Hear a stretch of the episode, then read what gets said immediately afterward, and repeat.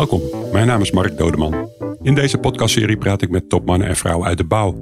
Vandaag spreek ik Harry van Zandwijk, directeur en mede-aandeelhouder bij Daiwa House Modeler Europe, het voormalige Jan Snel. Het begon bij het vervoer van melkbussen, hooi en stro.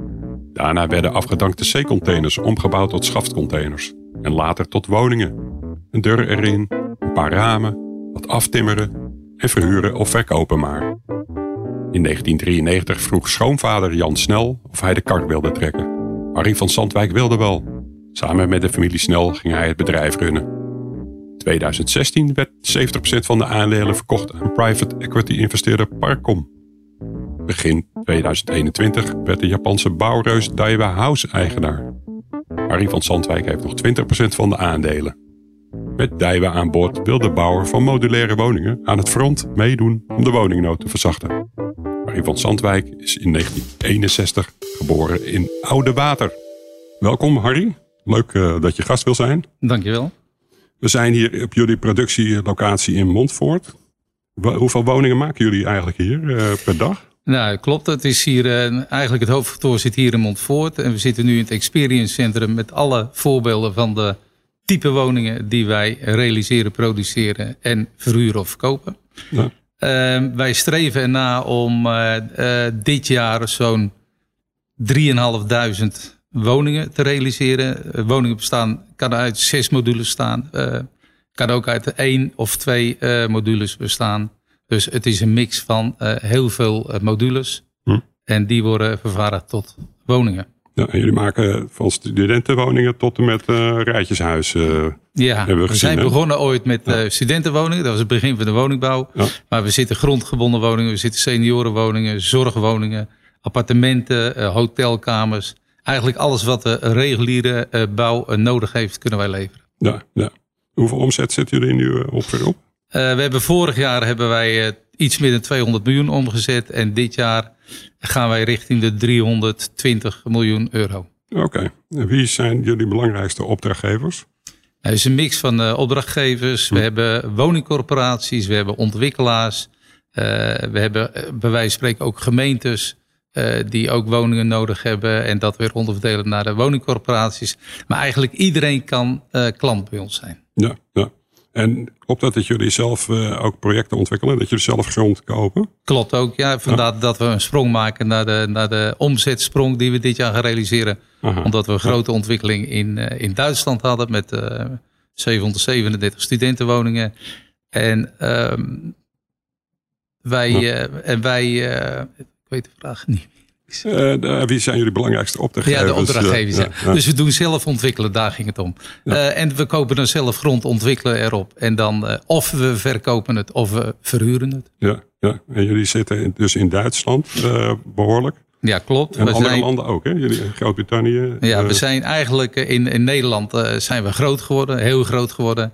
En we hebben sinds 2019 de stap durven wagen naar, wagen naar Duitsland. Ja. En we zitten nu inmiddels ook in Engeland. Dat, dat zijn eigenlijk de Benelux. Duitsland en Engeland zijn onze speeractiviteiten, laat ik het zo zeggen.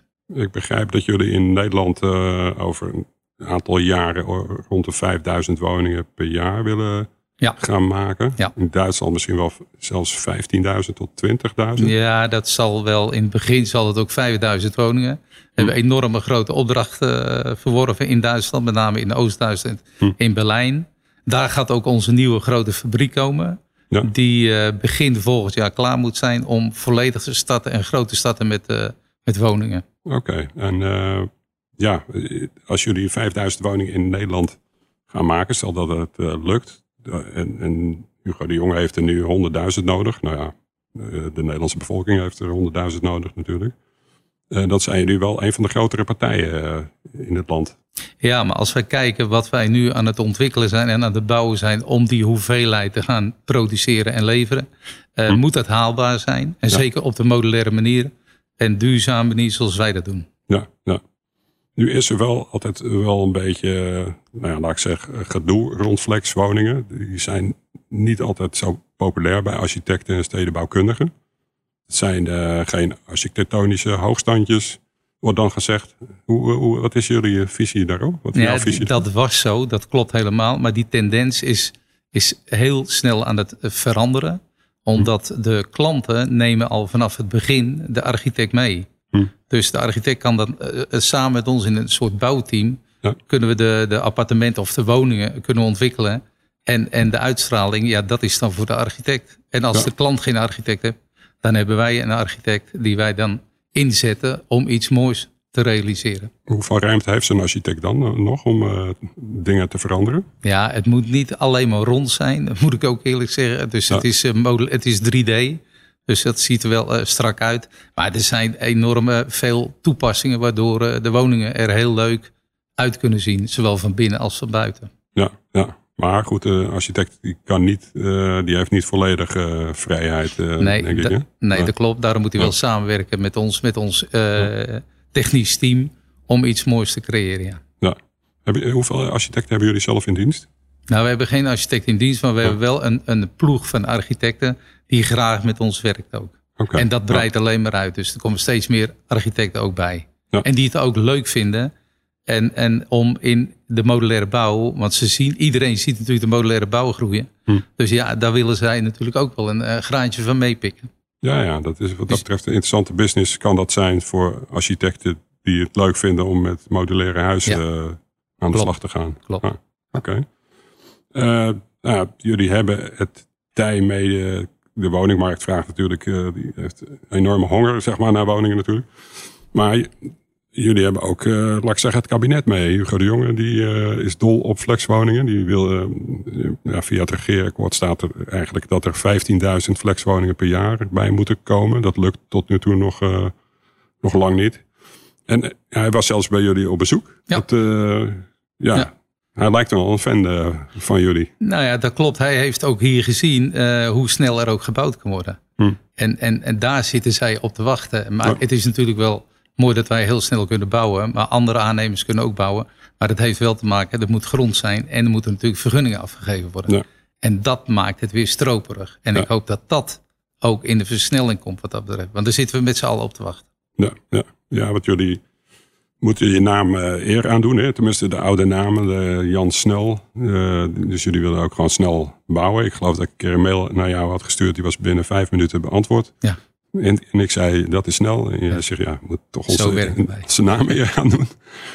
Eh, ja, het begon bij Jan en Bets eh, Snel. Hè? Die, eh, ik zei het al in de inleiding een beetje. Jullie hebben een hele geschiedenis achter de rug. En, en jullie zijn ergens bij die containerwoningen beland. En tegenwoordig is het woord containerwoning ligt nog in de volksmond. nog ergens... eh, die komt er af en toe nog eh, uit, Dat- zeg maar. Ja, dat, dat komt er af en toe nog uit. Maar daarom eh, verklaren wij ook en, en melden wij ook dat wij zeg maar drie categorieën hebben binnen ons bedrijf. We Ja. hebben Daiwa House Model Europe. Dat is de woningbouw. Dat is echt de Daiwa Housing, om het zo maar te zeggen. Hm. We hebben Jan Snel de naam blijven staan voor de verhuurbare, korte duur Ja. huurvloot, zeg maar, de units. Daar hebben ze een 13.000 units van in de verhuur.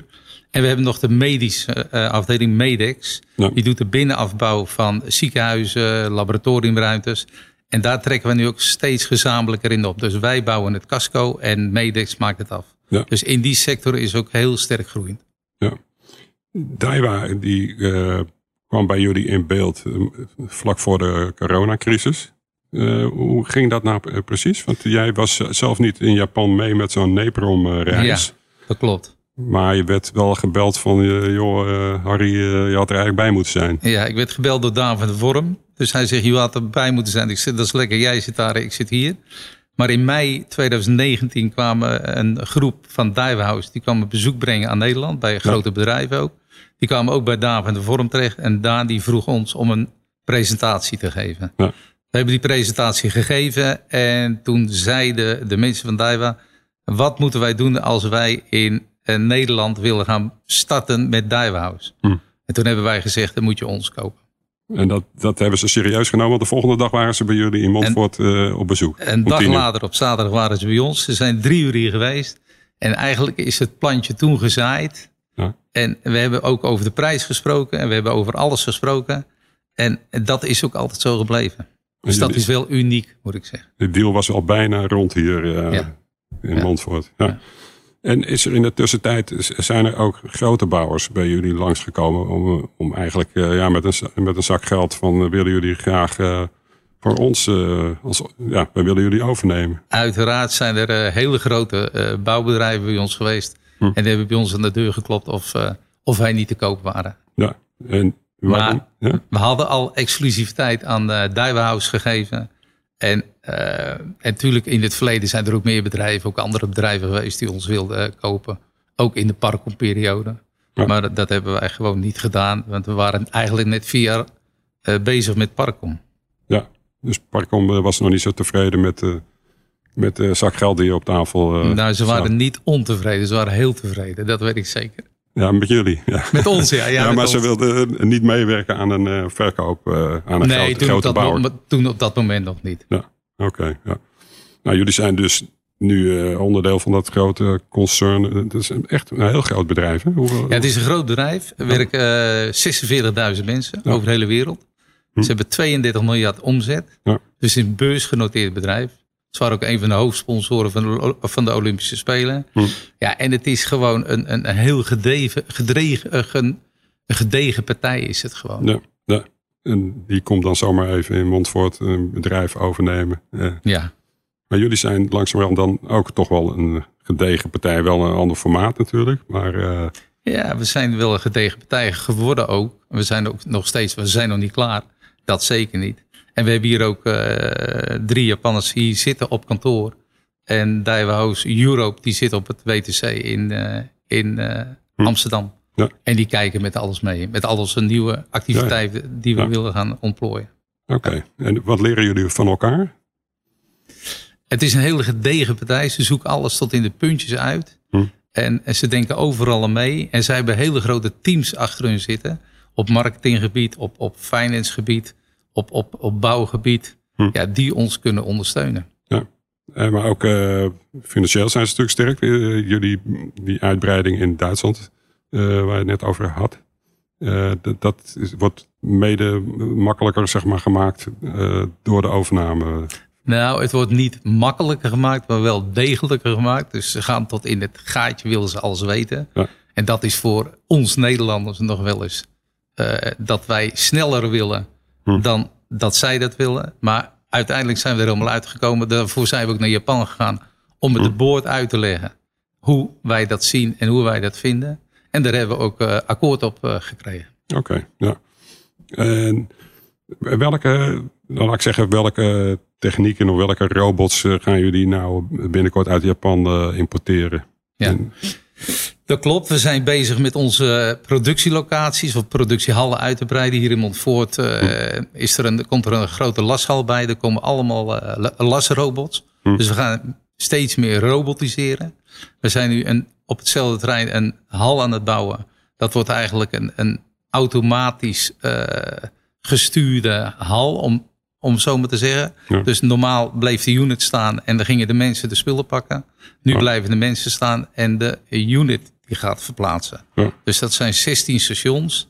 En dan is het elk station wordt dan iets uitgevoerd waardoor aan het eind de unit er compleet uitkomt. Net als een uh, autofabriek. Uh, dus net als een autofabriek. Ja, we hebben ook een ingenieursbureau ingeschakeld. Hm. Die ook de Scania fabriek in Zolle doen. Uh, hm. Dus ja, het wordt echt een hele mooie fabriek. En we zijn er heel blij mee. En dat is de basis om het verder hier te automatiseren in Nederland en in Duitsland en straks ook in Engeland. Ja, ja, ja. En liggen jullie eh, wat dat betreft, denken jullie eh, een beetje op kop eh, in Nederland met dit soort uh, nou, ik, ik, ik, ik, weet niet precies hoe de andere fabrieken in elkaar zitten. Maar als je hm. kijkt naar 3D bouw, naar 3D modulebouw, dan zijn wel, wij wel de koploper, ja. ja. Oké, ja.